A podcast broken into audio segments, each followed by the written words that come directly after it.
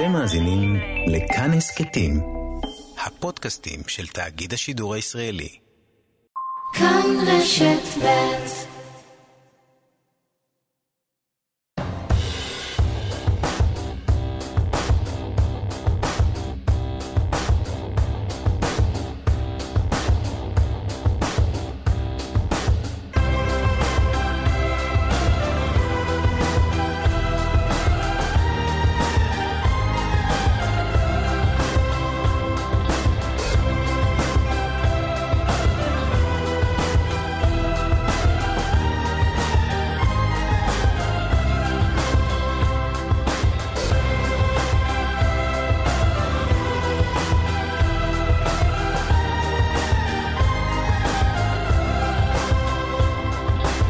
שלום ובוקר טוב. בוקר טוב, בוקר טוב. איזה לילה עבר עלינו, אה? וואי וואי. ממש, פיליבסטר. זה כאילו מה שמכונה בטוויטר הסוטים של הפוליטיקה, זה היה הלילה הגדול שלהם. ובואו ניתן גילוי נאות. זה אנחנו. אנחנו? אנחנו ישנו, זה מה שאתה רוצה להגיד. ישנו כמו תינוקות. אני לפחות ישנתי כמו תינוק. אני ישנתי כמו התינוק שלי. אה, אני ישנתי כמו התינוק האמיתי שלי. אה, היית מול הטלוויזיה, זה שמתעורר בלילה ובוכה. לא בגלל המצב. המצב שלו. המצב שלו. המצב שלו האישי. אתה בכית בגלל המצב שלך. כל אחד והמצב שלו. כל אחד והמצב שלו. אבל היה לילה אה, סוער ועמוס, והיו שאמרו אף שמח במשכן הכנסת. אה, תראה, אני לא יודע לאיזה... כי אני לא בטוח כמה מאזיננו עקבו אחרי כל הדבר הזה. שהיה בלילה? לא, לא שהיה בלילה, מבינים את ההתרחשות שהייתה בלילה. למה פתאום יצחק פינדרוס נואם שעתיים? למה רם שפע מתחבא בחניון? למה מיכל שיר טוענת שהיא חולה, ואז מפציעה בכנסת ויוצאת החוצה ואוסנת מארק מכנה אותה בכינויים שרדיו ממלכתי לכאורה, לא אמור להשמיע? לכאורה. מה לכאורה? כי זה סגור שהיא כינתה אותה כלבה? לכאורה? שוב, שוב. לא, לכאורה. אמרתי לכאורה. זה לא כמו להגיד שהיא אמרה על הכלבה, אמרה לה, זה לכאורה. היא כלבה לכאורה או שהיא אמרה לכאורה? לא, היא אמרה לכאורה, אני לא יודע. היא אמרה לכאורה. מישהו, שמעו את זה ממש? כן. או כן. שמעו את זה לכאורה? שמעו את זה ממש. שמעו את זה שמעו את זה, אז היא אמרה לה. אז, אז למה כל הדברים האלה קרו? נו. זה מסובך להסביר נראה לי. תן לי את זה בשורה. הכנסת אמורה להתפזר באופן רשמי וסופי וגמור וחתום וללכת לבחירות ב-23 בחודש מרס 2011 למניינם, אה, בלילה שבין שלישי לרביעי, שזה בלילה שבין היום הזה לבין היום הבא. מאחל לך שתישן טוב יותר הלילה. הלוואי. במאמר מוסגר. כי, כי אין תקציב, ואם אין תקציב, אוטומטית הולכים לבחירות. בא האדונים נתניהו וגנץ ואמרו, אוקיי, בואו נדחה את הדבר הזה, ונגיד שתקציב לא, אין תקציב, לא מביא לבחירות. גנץ אמר בסדר, ואז אמר, אתה יודע מה? לא בסדר, לא רוצה. אז רק נתניהו הוביל את המהלך הזה. כלומר, הקואליציה של נתניהו, פחות כחול לבן, אמרה, אנחנו רוצים, תנו לנו עוד זמן למשא ומתן. גנץ אמר, אני לא בעסק, אני ניטרלי. אתה רוצה להעביר, תעביר, אני לא מצביע בעד ולא מצביע נגד. אלא שאז קפצו, מה שנקרא, המורדים מתוך כחול לבן, יחד עם מורדים מתוך הליכוד, נתנו את ידם לאופוזיציה, כלומר נגד ההצעה של נתניהו, והדבר הזה נפל. אני מרגיש כמעט כמו בוגר תואר ראשון במדעי המדינה. יצא לך לשמוע קצת מהפיליבסטר של אה, חבר הכנסת פינדרוס כן. אתמול בלילה? קצת, כן. כן, נהנית? נהניתי מאוד. אני אוהב פיליבסטרים. מקסים. כלומר, לא, לא של כל אחד. רגע, אבל... אז בוא, רגע, אז בוא... לא, לא, לא, לא. לא, בוא בוא תסביר את למה, למה, הפיליבסטר היה למה? כי מחכים ש, ש, לגייס רוב בדרך כן. כלל. כן. הוא חלק מהקואליציה, רצו לגייס רוב, ו, ולכן שמענו במשך יותר משעתיים אה, סוגיות כמו למה אין ספרדים בש"ס, פינדרוס דיבר על זה, למה חרדים לובשים שחור לבן, הוא דיבר על זה במליאה, אה, למה מאי גולן יכולה לשבת בקבינט. תראה, בקטעים האלה כנראה ישנתי, אני שמעתי משהו אחר. מה? אני שמעתי קטע שלו שהוא דיבר על, ה... על ההפטרה של השבת. ואמרתי לעצמי, וזה לא קשור רק לפינדרוס, אלא בכלל, תראה, חברי הכנסת, אנחנו כאילו מכירים אותם לפני ולפנים, הם מדברים כל הזמן במליאה, בוועדות, פינדרוס ואצלנו. אצלנו, אורח, אורח כבוד. אצלנו. נכון. אבל בעצם אנחנו לא, לא ממש מכירים אותם. אנחנו מכירים את ה... את הפרסונה ההתראיינות- ההתרא- ההתראיינותית שלהם. נכון, זהו. כשבן אדם צריך לדבר שעתיים, פתאום אתה מגלה מי הוא הוא. חייב לפרוס קצת יותר מזה. הוא נותן מעולמו. נכון. ואז אתה לומד uh, קצת יותר על האיש. יש אנשים שאתה לומד ואתה אומר, עדיף שלא למדתי משלמדתי, ויש כאלה שכן. אז יש בפיליבסטר, אז מה למדת הוא- על יצחק פינדרוס מהאירוע הזה? אמרתי, אני התחברתי להפטרה של פרשת התחברת. השבוע. כן. כלומר, דמות חיובית נגלתה אליך. אתה, אני שומע אבל שבצד שלך שמעו דברים נוספים, אני לא יודע. כן, נכון. למה באמת אין ספרדים ביהדות התורה? אתם רוצים להעלות, לא ביהדות התורה, למה הם ספרדים בש... אה, כן, נכון. למה כן. ספרדים ביהדות התורה? בש"ס יש ספרדים. בש"ס יש ספרדים. יש כמה. כן, הם, הם עשו החלפה. אתם רוצים להעלות את אה, פינדרוס כדי שיענה על כל השאלות האלה? בואו תביאו את האיש, נראה. למה רק בשתיים בלילה שידבר? למה לא בשמונה בבוקר? לטובת אלה ש... שנמנמו. אז עוד מעט כל הפרטים מהלילה הסוער במליאת הכנסת. נדבר גם עם אחת המורדות מכחול לבן. חברת הכנסת מיכל קוטלר וונש.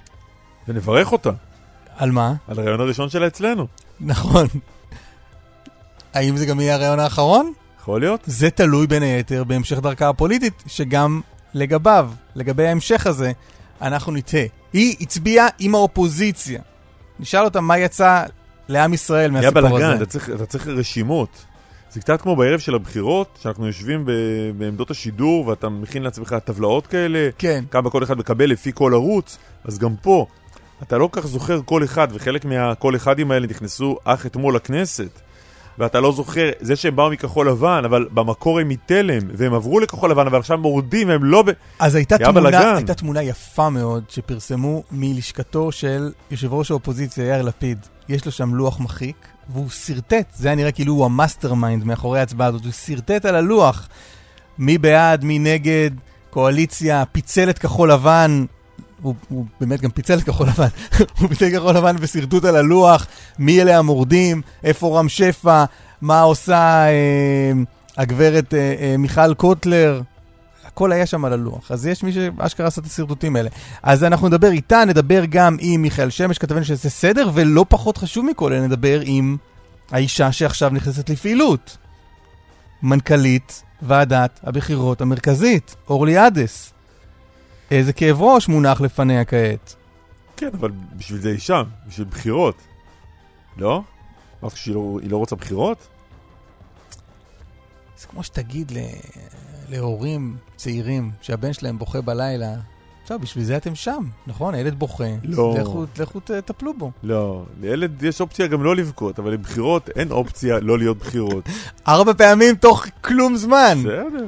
זה כמו ילד שבוכה שמתעורר בלילה כל עשר דקות. תהיה איתנו ראש שירותי בריאות הציבור במשרד הבריאות, הדוקטור שרון אלרועי פרייס. אה, נדבר איתה על המוטציה, נדבר איתה על הרכבת האווירית, שאמורה להטיס את אה, טובי בנינו ובנותינו מהגולה, הישר לכאן לפני שהם יצטרכו להיכנס למלוניות. הראש היהודי ממציא לנו פטנטים. תודה לאל. תודה לאל. נדבר גם איתה. אה, ונדבר עם, עם איש שלנו שנמצא אי שם. הוא כבר לא שלנו. לא שלנו? לא, הוא עושה יותר מדי חיים ברחבי העולם, אני לא... האיש הוא שרון עידן. לא זוכר מתי, מתי... למה הוא מתי הוא היה פה? הוא לא היה הוא- פה. הוא, מה ש... כמו שאומרים ברשת ב' של כל ישראל, הוא עושה באיי סיישל. נדבר איתו ועוד הרבה מאוד דברים. הרבה מאוד דברים, גם חבר הכנסת בצלאל סמוטריץ' על uh, האירוע בבת עין. שם... לא בת עין, ה- הבחור שנהרג הוא מבת עין. כן. זה היה, נדמה לי, באזור כוכב השחר בנימין, כן. אה, נער בן 16 נהרג אה, אחרי שבמהלך הימלטות שלו מהמשטרה. נדבר עם חבר הכנסת סמוטריץ' שניסה להגיע לזירת האירוע, אבל לא כל כך התאפשר לו, בגלל המשטרה. נדבר על זה בהמשך. האורחות שלנו הבוקר הן יהודית דמארי אגסי ועידית בן יאיר, בהפקה נדב רוזנצוויג, על הביצוע הטכני יאיר ניומן. אנחנו כאן עד 10, גם ברדיו, כאן רשת גם בטלוויזיה, כאן 11. ציוצים, אשטג קלמן ליברמן בטוויטר.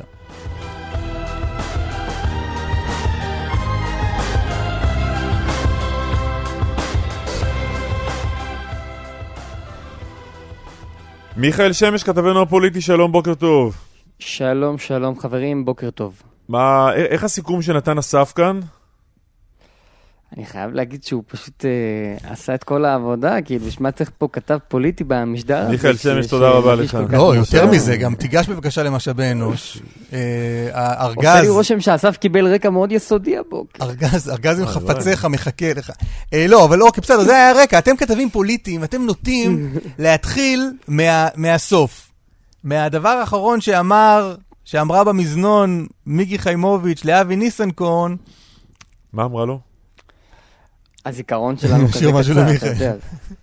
זה לא... זה, אבל תראו, באמת, אני חושב שבשורה התחתונה, אני חושב שהנקודה שצריך להסתכל עליה הבוקר היא כחול לבן.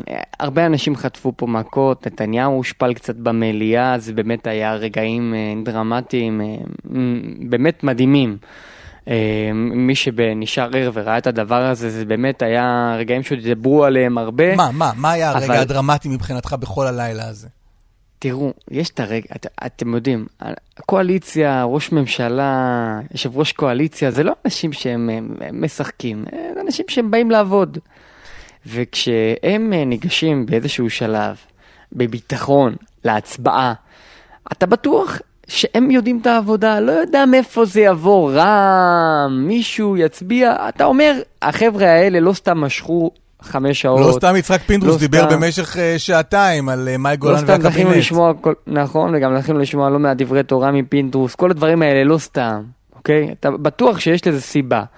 ואז אתה, ואז אתה מג... ואז אוקיי, ואז מגיעים להצבעה שמית. הקולות אחד אחד, אה, אה, כל אחד אה, מצביע בתורו, ואתה לקראת סוף ההצבעה כבר בטוח, הנה החוק עבר, אפשר ללכת לישון. ואז באמת בשנייה האחרונה, נכנסים לתוך המליאה ארבעה חברי כנסת משום מקום. הם פשוט לא היו, ב... הם פשוט לא היו ב... באזור המליאה, כאילו הם היו בבניין, אבל הם לא היו באזור המליאה. הם פשוט מגיעים, נוהרים מחניונים, ממקומות לא מקומות, ו... ומתייצבים בתוך האולם, כמו ההסתערות הזאת של ופשוט- אה, מרוץ הגמלים של אתמול. כן. כן, כן, מי ברכב, מי ברגל. חוזרת, כן. ובהצבעה החוזרת, לא בהצבעה הראשית, למה הייתה הצבעה חוזרת? אה, כשעושים הצבעה שמית אז מצביעים אחד אחד לפי השם, ובסוף שואלים, יש כאן עוד מישהו שלא הצביע? Mm.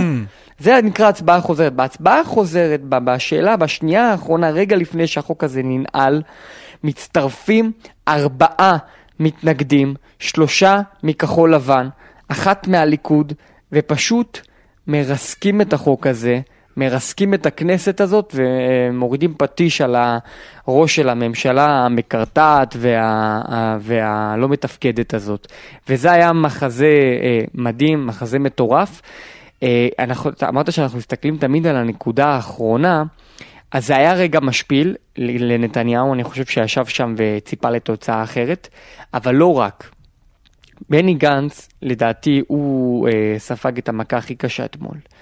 כי הוא באמת ניסה לצאת בסדר עם כולם.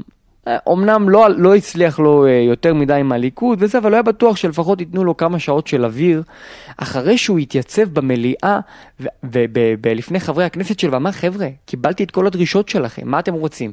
שאני לא אנהל משא ומתן, לא יהיה משא ומתן. מה אתם רוצים? שר, אתם רוצים שר משפטים, כל הסמכויות?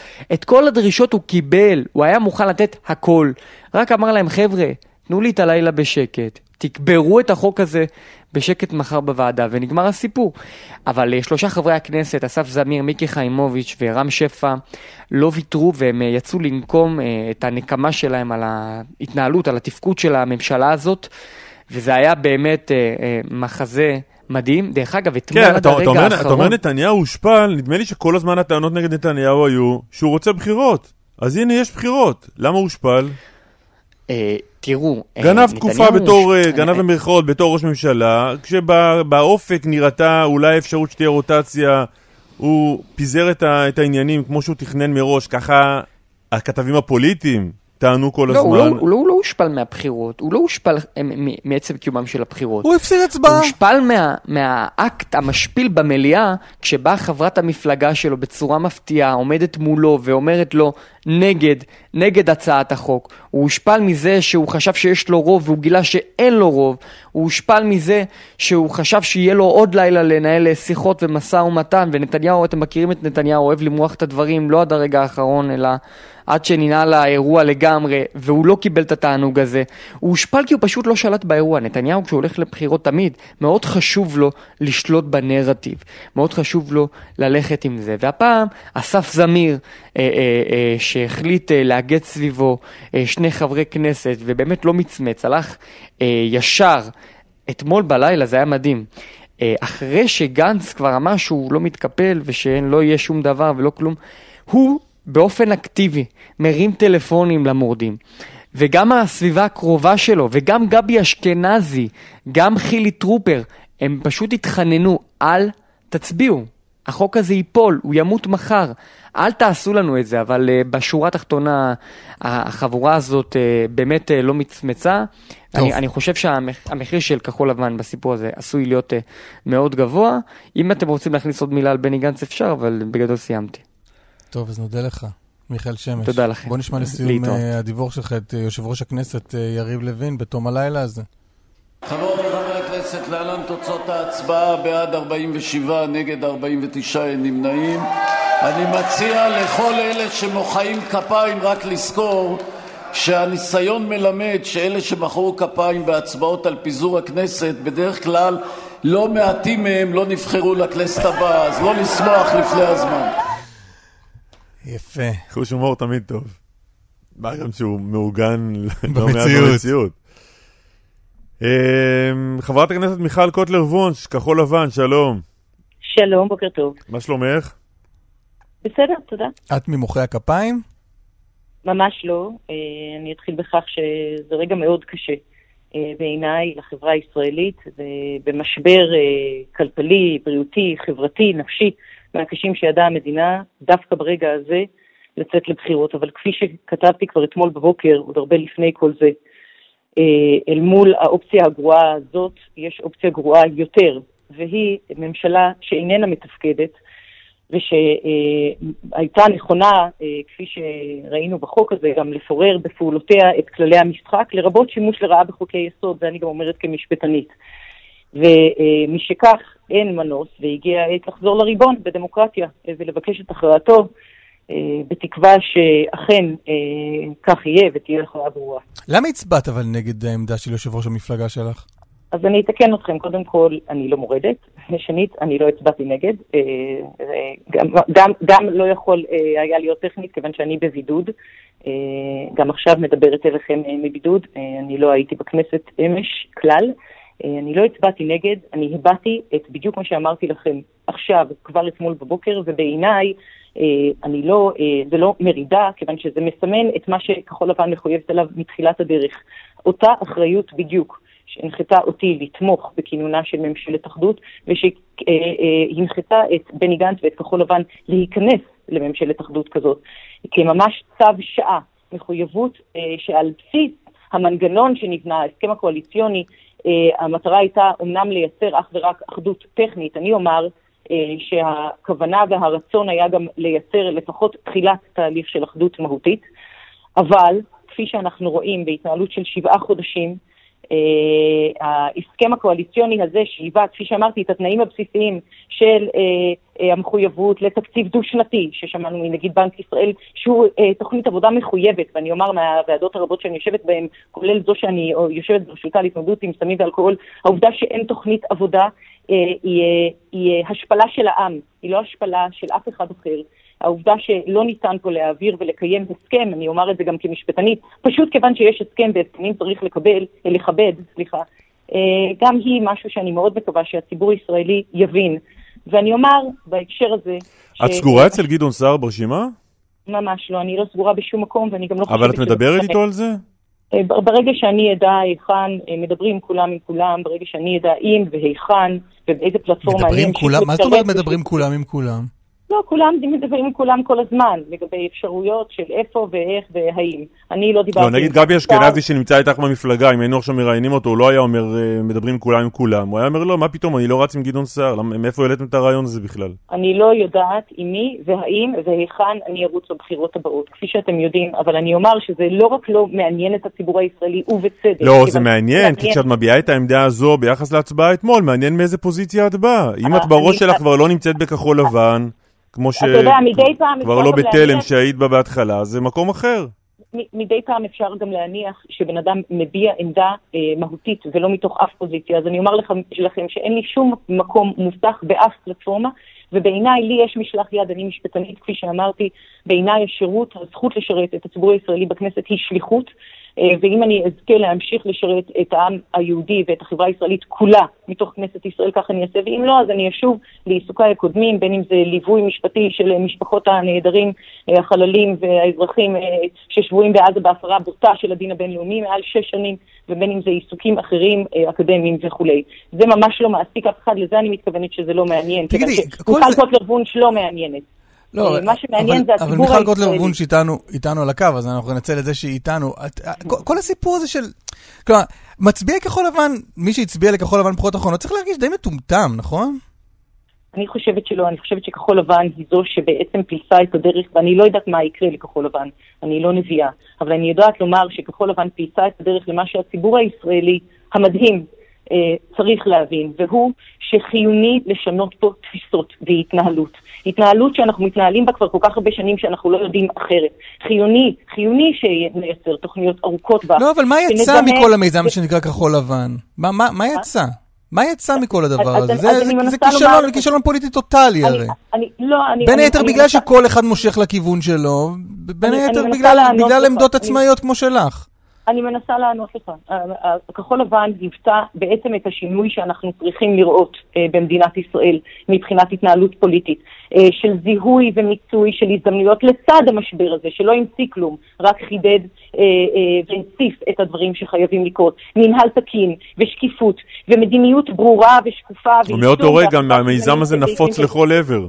סליחה? ומאותו רגע המיזם הזה נפוץ לכל עבר. אני שוב, אני אומרת לך, אני, אני אחזור על זה, אני לא נביאה, אני לא יודעת מה יעלה בגורלה של כחול לבן, אני יודעת מה כחול לבן תרמה להיסטוריה של מדינת ישראל, ומה בני גנץ בגופו אה, עשה על כל המחירים שהוא שילם, אני אומר, ועל כל המחירים שמי שהצטרף אליו אה, שילמו ועודה, ועודה כן, משלמים. אני חושבת שההיסטוריה וזה- של מדינת ישראל תזכור את כחול לבן כמי כן, שתרמה אני- לה משהו? כן, אני חושבת שזהו, אה, אה, אגב, זה תלוי בציבור, בסופו של דבר אנחנו חוזרים אל הציבור שהוא-הוא הריבון והוא יכריע. אני מקווה מאוד שמה שכחול לבן אה, אה, תרמה ותמשיך, תוכל גם להמשיך לתרום, זה את רגע ההבנה, את הפיבוט, את השינוי, אנחנו. מדברים כל הזמן על שינויים, אה, שינויי פרדיגמה בהקשרים היסטוריים אה, גלובליים, גם אה, במדינת ישראל בת ה-72, שהיא לא מדינה כל כך מבוגרת, צריך פה שינוי היסטורי. הצורה שהיא מתנהלת, אה, מתוכ... מכיבוי שרפות לתוכניות ארוכות טווח, מיצירת מדיניות שקופה, הוליסטית, שמיושמת כלפי כולם באופן שווה ועקבי, למין patchwork, מה שנקרא אה, פלסטר, אוקיי. אה, שכל הזמן אה, מייצרים. ואני אומר, אה, אה, היום אה, ידונו בחוק יסוד הלאום. אני אומר, בהקשר, אפילו בהקשר הזה, בנושא של חוקי אה, יסוד, ובכלל, אה, כמשפטנית שמלווה את כל מה שנקרא המהפכה השיפוטית. אני, אה, לצערי, כמובן שלא נספיק, אבל אני הנחתי אה, ממש עם כניסי לכנסת את חוק יסוד מגילת העצמאות. אני חושבת שיש פה הזדמנות מאוד חשובה. אה, בעצם לחדש את הברית בינינו פנימה בתוך מדינת ישראל, עם כמובן הקהילות היהודיות בתפוצות, ומתוך העיסוק שלי אה, במאבק על מעמדה של מדינת ישראל ועל אוקיי. הלגיטימיות לקיומה כמדינה יהודית ודמוקרטית, משם בסופו של דבר אה, אני מקווה שיש תקווה רבה לאזרחי מדינת ישראל, למרות הקושי הכנסת, הגדול אה, ביציאה לבחירות בעת הזאת. מיכל קוטלר וונש, כחול לבן, אה, תחנה נוכחית. מי יודע מה יהיה בהמשך. תודה רבה. תודה רבה ויום טוב ובריאות לכולם. אורלי אדס, מנכ"לית ועדת הבחירות, שלום. בוקר טוב. הכל מוכן? יהיה מוכן. כהרגלנו הכל יהיה מוכן, אנחנו נעמוד בכל בטלה אה, ונבצע את כל מה שצריך. יופי. יש משהו שבכל זאת מטריד אותך בכל הסיפור הזה? בוודאי. מה? אה, כל המצע הוא לא פשוט ולא מור... לגמרי לא פשוט. כבר חווינו שלוש מערכות בחירות ברצף, ובמערכת האחרונה כבר אה, שאלנו בינינו לבין עצמנו במטה מה עוד יכול להיות יותר מזה. אז אה, לא חזינו את המערכת הנוכחית שתהיה כל כך מורכבת. אה, מדובר במערכת שהיא שונה לגמרי. בכלל בחירות זה מיזם עצום, ענק, שחולש על כל מדינת ישראל, משתתפים בו מיליוני אזרחים, עשרות אלפי עובדים. הוא מאוד מאוד מורכב, והפעם הזו, על כל המורכבות הזו, אנחנו מוסיפים אה, את כל נושא החולים והמבודדים והקלפיות בבתי אבות, וחוסר הוודאות המוחלט אה, לגבי מספר החולים והמבודדים בכלל שצפויים להיות באותו היום. אה, והיכן להקים את הקלפיות הללו וכמה בכל מקום. אה, זה הדבר שמטריד בעיקר, חוסר ודאות. לא, אבל, אבל, אבל מול, מול ה, ה, סכנת ההידבקות והריחוק והכול, אנחנו נראה משהו אחר לגמרי? לא, זה לא יהיה משהו אחר לגמרי, אבל אני מאוד מקווה שנצליח כן אה, להפחית את מספר הבוחרים בקלפי, לא בכל הקלפיות, אבל לפחות בגדולות שבהן. אה, לפצל חלק מהריכוזים ולהפחית קצת את העומסים. אה, כן יהיה שונה מתחמי הצבעה וסע, שאנחנו מתכוונים לעשות שם אה, קלפיות לחולים ולמבודדים. זה הדבר השונה כרגע. כמובן המיגון לכל חברי ועדות הקלפי. אולי עכשיו במתחם אחד. יהיה מטוש שיבדוק אם יש לך קורונה או לא, תהיה אחות שתזריק לך את החיסון, ובסוף תהיה קלפי. ואפשר לקחת המבורגר לדרך. מה, זה נהדר. חשבנו גם על זה, חשבנו גם על זה. חשוב לי שתזכרו איפה שמעתם את זה בפעם הראשונה. אה, אבל זה בדיוק מה שייצור את ההתקהלות, זה מה שהוריד את כל זה מהפרק. אה, טוב. מה האתגר הכי גדול כרגע? אה, הכי גדול זה בעצם אה, לאפשר קיום בחירות כהלכה. שיתקיימו לפי כל הערכים של השיטה. לא, אני אחדד, מתוך הרצון לקיים בחירות כהלכה, שזה רצון משותף לכולנו, לא, מה האתגר הכי גדול? ולאפשר לכל אזרח להצביע לצד נקיטת כל הפעולות שבריאות הציבור לא תיפגע, או לפחות שלא נשמע 14 ימים לאחר הבחירות שהגרף עלה. תגידי, אורלי, ברמה האישית את מתוסכלת? לא. ברמה המקצועית את מתוסכלת? זו מציאות, של, זו מציאות שלמדתי לחיות איתה. אנחנו עוברים, אה, חווים בשנתיים האחרונות אה, בוועדת הבחירות באמת איזשהו משהו אחר ושונה ממה לא, שהיה לאורך לא, וכשהבנת שהדבר הזה הולך לקראת בחירות, באיזה שאלה תפסת ראש ואמרת, חבר'ה, די, תניחו לי. אה, למדתי לומר לעצמי שאני הגורם המקצועי שתפקידו לבצע, לממש את הדמוקרטיה בהתאם להחלטה של המחוקק. ואם זה מה שהם החליטו, אז אני כאן כדי לבצע. יש משהו שהופך אה, אותך ל... אני לא רוצה לומר כמו אוטומט, אבל כן, יש משהו בזה שאני הבוקר, אה, אני יכולה להגיד גם שאפילו לא היה לי קשה להתעורר כי לא הלכתי לישון בכלל. יש משהו שברגע שזה קורה אז אתה מתחיל את התהליך ואתה חי אותו, ואתה מבין שלכם אתה נמצא כאן. יפה, כל כך ממלכתית, אולי, אולי תחשבי על הנשיאות כ... כתחנה הבאה אחרי uh, מנכ"לות ועדת הבחירות. אורלי עדס, תודה רבה. תודה רבה תודה, לכם. תודה. תודה, יום טוב. ראש שירותי בריאות הציבור במשרד הבריאות, הדוקטור שרון אלרועי פרייס, שלום. בוקר טוב. מה נשמע? אה, בוקר אה, לא פשוט, לא פשוט. כי מה? בגלל הבחירות. מסתכלים על הנתונים, לא, אני לא עוסקת בפוליטיקה. אה, אוקיי. מצטערת. אה, מסתכלים על נתוני התחלואה שהולכים אה, ועולים. אבל מה חשבת על אה, ההליכה לקראת... סתם, סתם, לא מכניס אותך לזה. כן, מסתכלים על הנתונים. אתה יכול לנסות. אתה יכול לנסות, זה לא אוקיי. ילך. תגידי, מה, לא הופתעת? אז הופתעת מהפתאום מגיחה למליאה של מיכל שיר? כן, זה הפתיע. טוב. מה אומרים הנתונים הבוקר? שאנחנו uh, בעלייה, ממשיכים בעלייה. זה לא נתונים מפתיעים, אני חייבת להגיד, אנחנו הרמנו את הדגל הזה לקבינט לפני שבועיים, ואמרנו לשם זה ילך. בלי uh, uh, הגבלות uh, נוספות, אנחנו uh, נגיע למספרים בדיוק כמו של שיא הגל השני, וחבל להגיע למקומות האלה. Uh, זה באמת מתמטיקה פשוטה. הראינו את כל החישובים, והנה, ידענו שזה יגיע, אנחנו מעל 3,000 היום מאומתים. מקדם הדבקה שהוא 1.27, אה, פשוט מתקדמים. המגפה הזאת לא מחכה, לא לנו, לא לחיסון, מדהים. אה, לא להחלטות אה, קשות, היא פשוט מתקדמת. מה אנחנו עושים נגד זה? אנחנו קודם כל מנסים לזהות את כל המקומות של התחלואה שבהם אנחנו יכולים לעצור. אחד מהם זה באמת התחלואה המיובאת.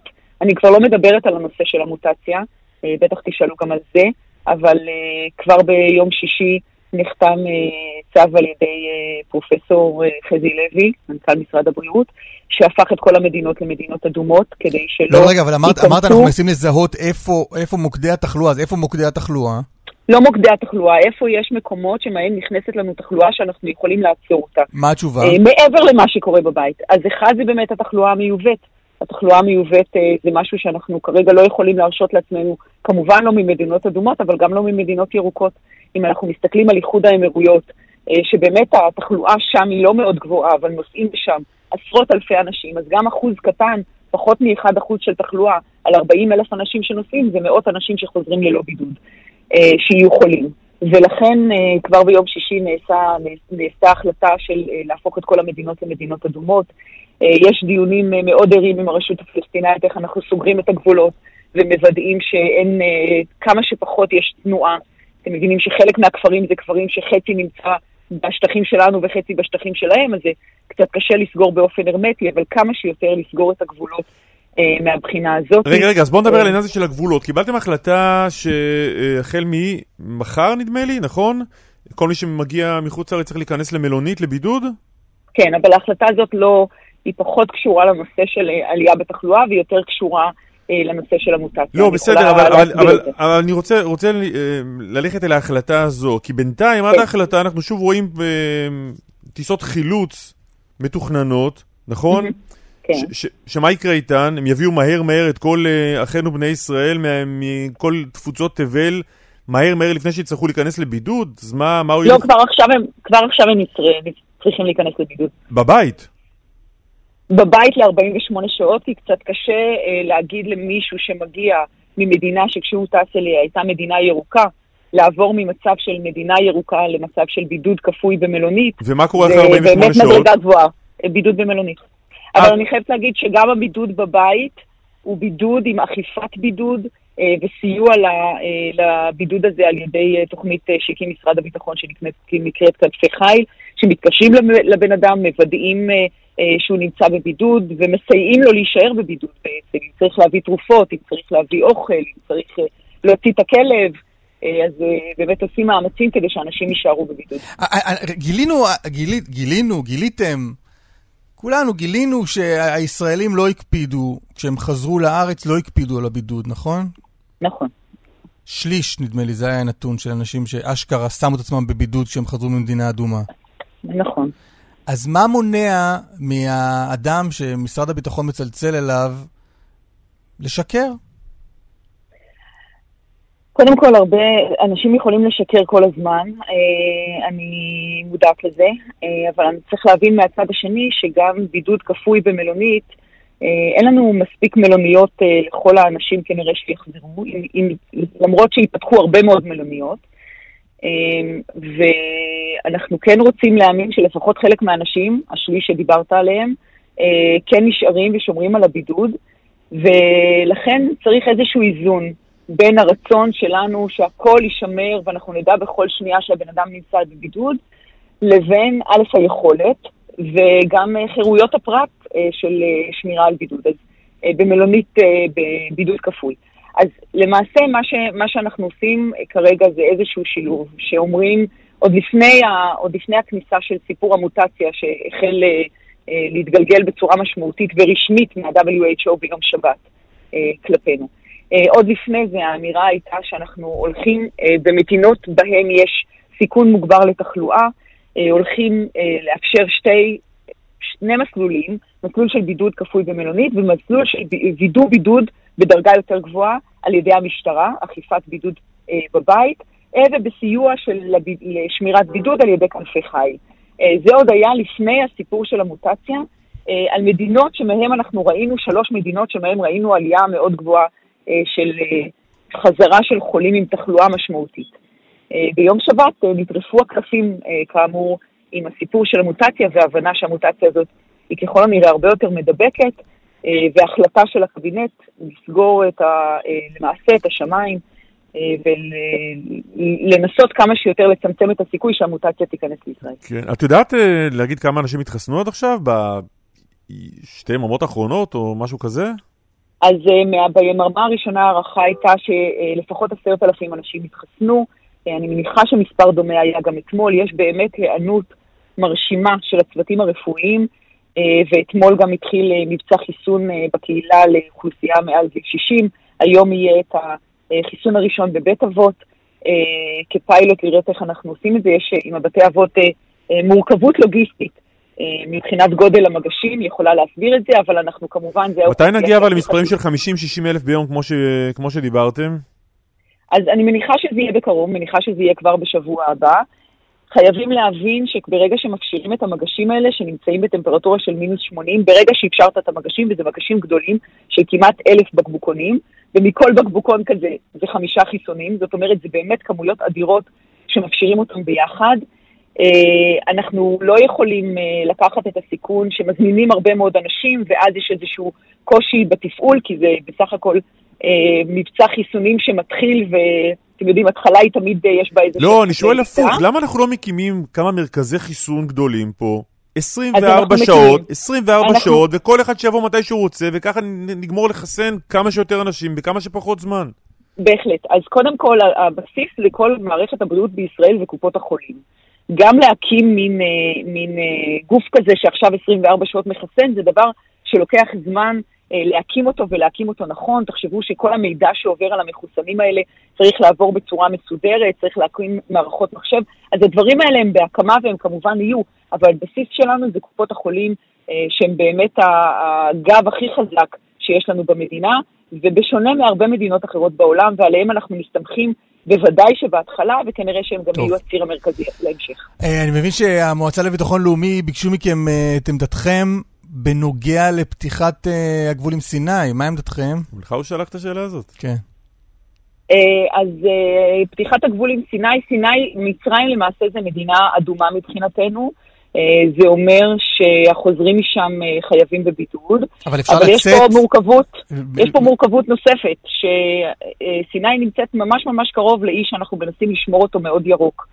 אה, ולכן, במידה ורוצים. לפתוח משהו, צריך לוודא, נכון, צריך לוודא שהכניסה משם אה, לא אה, מאדימה לנו את האי הירוק, שבאמת תושבי אילת ומנסים בכל הכוח לשמור, לשמור אותה פתוחה. אה, זה אומר שאנחנו נצטרך איזשהו מנגנון שבו החוזרים מסיני עוברים, מוודאים שהם עוברים לבידוד, לא נשארים באילת, אה, והדבר הזה מחייב, אה, מחייב היערכות לזה. אז בשורה, אומרת, התח... אם- אז בשורה התחתונה, פשוט... אה, כתבנו- רוצים להחזיר תשובה רוצים לרועי להחזיר שרון. תשובה לרועי שרון, כתבנו הצבאי שיושב לנו על הראש עם השאלה הזאת. מתי הוא יוכל לנסוע לסיני, או אנשים כמותו?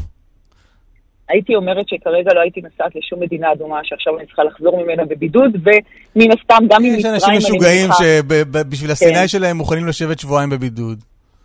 אה, בסדר, אז אה, אז אני- הדבר הזה דורש היערכות מול אה, משרד הפנים, אה, מול הגבולות וכולי, מסבירה את המורכבות. זה לא סתם מדינה אדומה, זה מדינה אדומה שנמצאת על הגבול עם אי ירוק, אה, שאנחנו עושים את כל המאמצים לשמור אותו ירוק. אז אה, צריך אה, לייצר תהליכים שזה לא אנשים טוב. חוזרים מבידוד ונשארים באילת. הדוקטור שרון אלרועי פרייס, אה, ראש שירותי בריאות הציבור במשרד הבריאות, תודה רבה. תודה, תודה.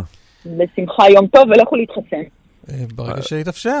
מתי, איפה? תגידי לי איפה, אנחנו... קבעת לנו- קבעת לנו תור? זה כמו שמאיר יצחק הלוי, ראש עיריית אילת? אומר לנו, תבואו לאילת. כן. מתי, איפה? תודה רבה. אנחנו ברגע שזה ייפתח, אנחנו נודיע שזה ייפתח, אני מקווה אה. בקרוב לכל האוכלוסייה. מצוין. אז זה היה כוכבית שם, אחרי לאכול כן, להתחסן. כן. תודה רבה, שרון, תודה. רועי, תישאר פה, אין ברירה. מה? רועי, אני מדבר עם רועי שרון.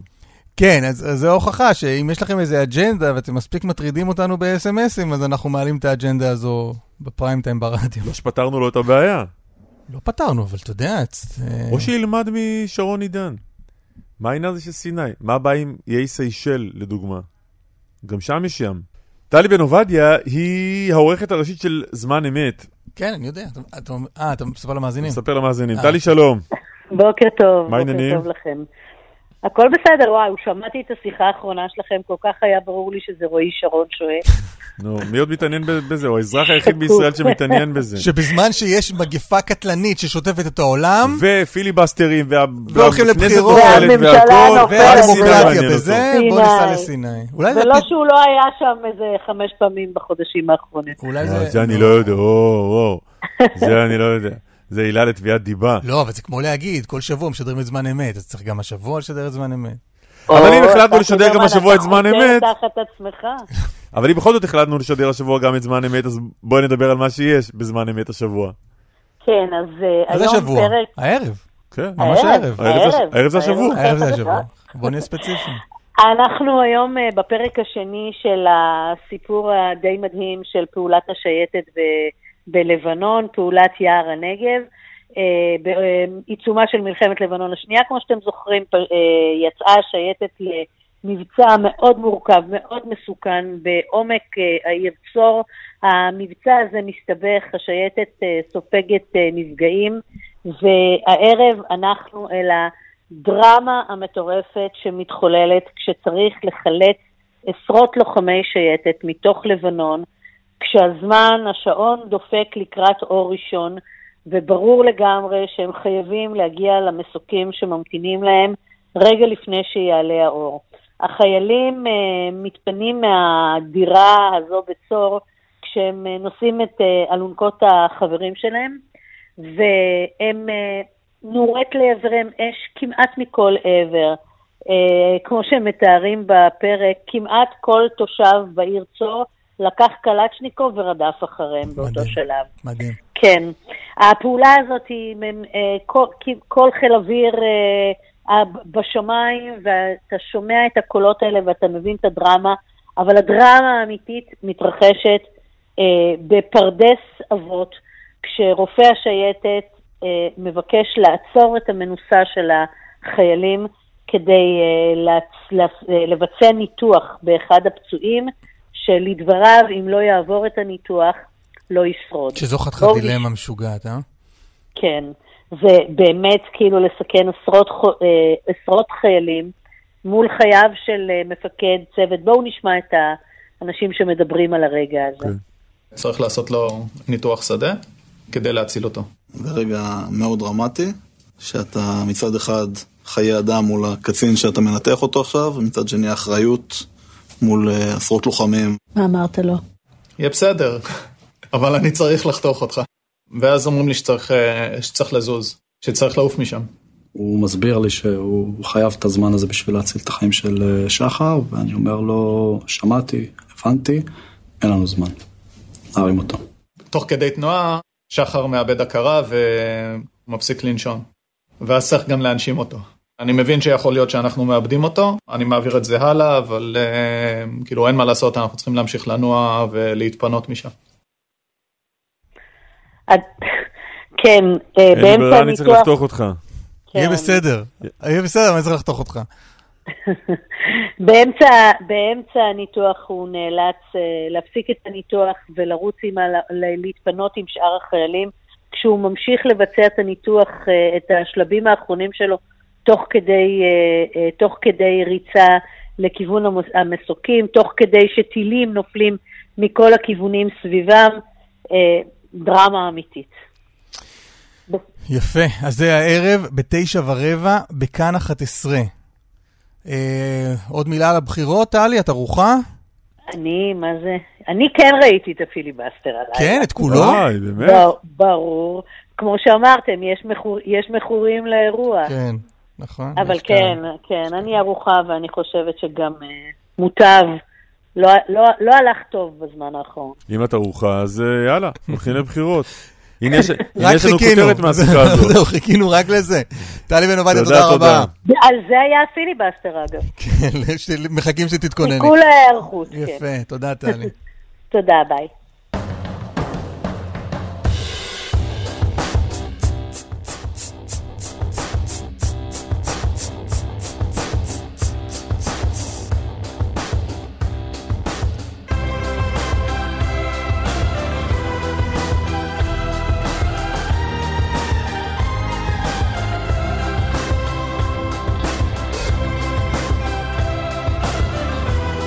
טוב, אנחנו חותמים פה את השעה הראשונה שלנו. אחרי הפרסומות והחדשות, בפתח השעה הבאה נדבר עם בנימין הורגן. הוא אה, בעלה, אלמנה של אה, אסתר הורגן, שנרצחה בטל מנשה, אה, יער ריחן. נביא את הפרט אתמול, אתמול לפנות בוקר, בלילה. נדבר איתו בפתח השעה הזו, נדבר גם על מה שקרה במרדף המשטרתי אחרי נער בן 16. נער גבעות, שנחשד ביידוי אבנים. הוא, מת בהתהפכות uh, רכבו במרדף המשטרתי הזה. Uh, מי שהיה בזירה או ניסה להגיע לזירה זה חבר הכנסת בצלאל סמוטריץ' מימינה. נדבר איתו על הניסיון שלו להגיע לשם. כמובן, נדבר איתו גם על פוליטיקה ועל הלילה הזה. עוד מעט.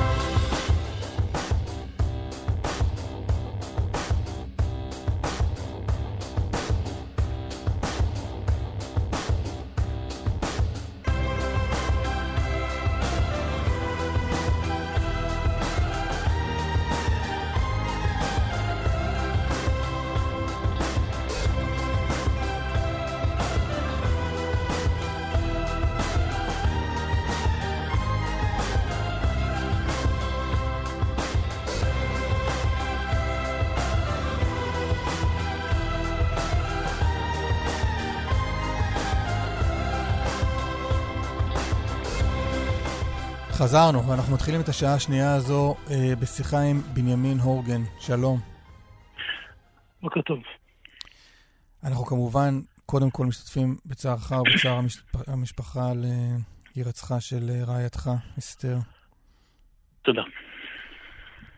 אתה יודע להגיד מה קרה שם?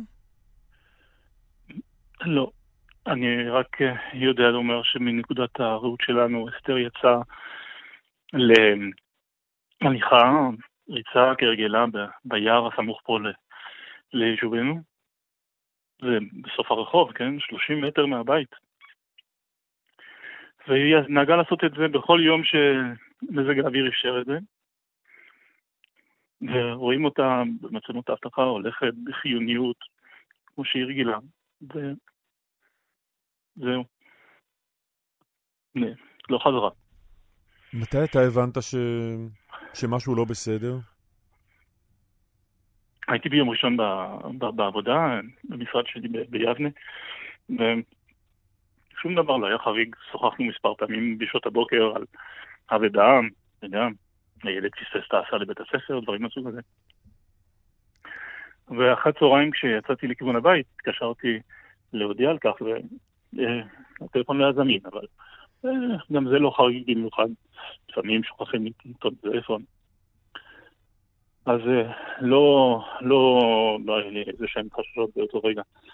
אה, כשהגעתי הביתה, יותר מאוחר, היא עדיין לא חזרה, והתחילה חשיכה, והילד לא ידע איפה היא נמצאת.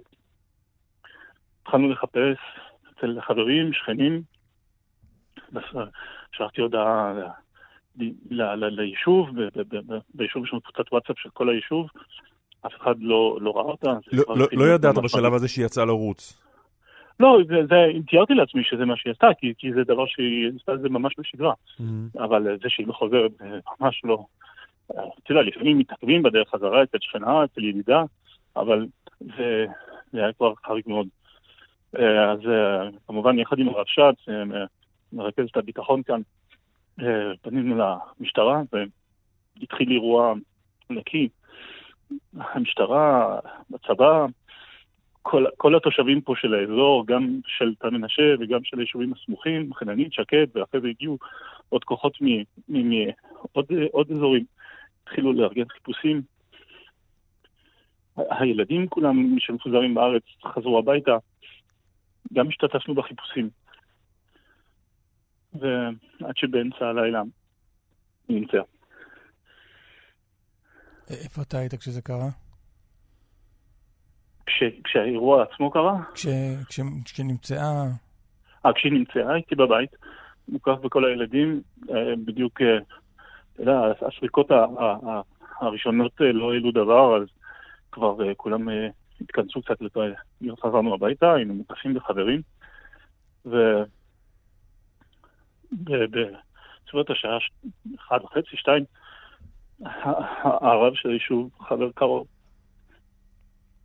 נכנס הביתה, אבל הוא מלווה בראש המועצה, ופה אתה מבין ש... שזהו.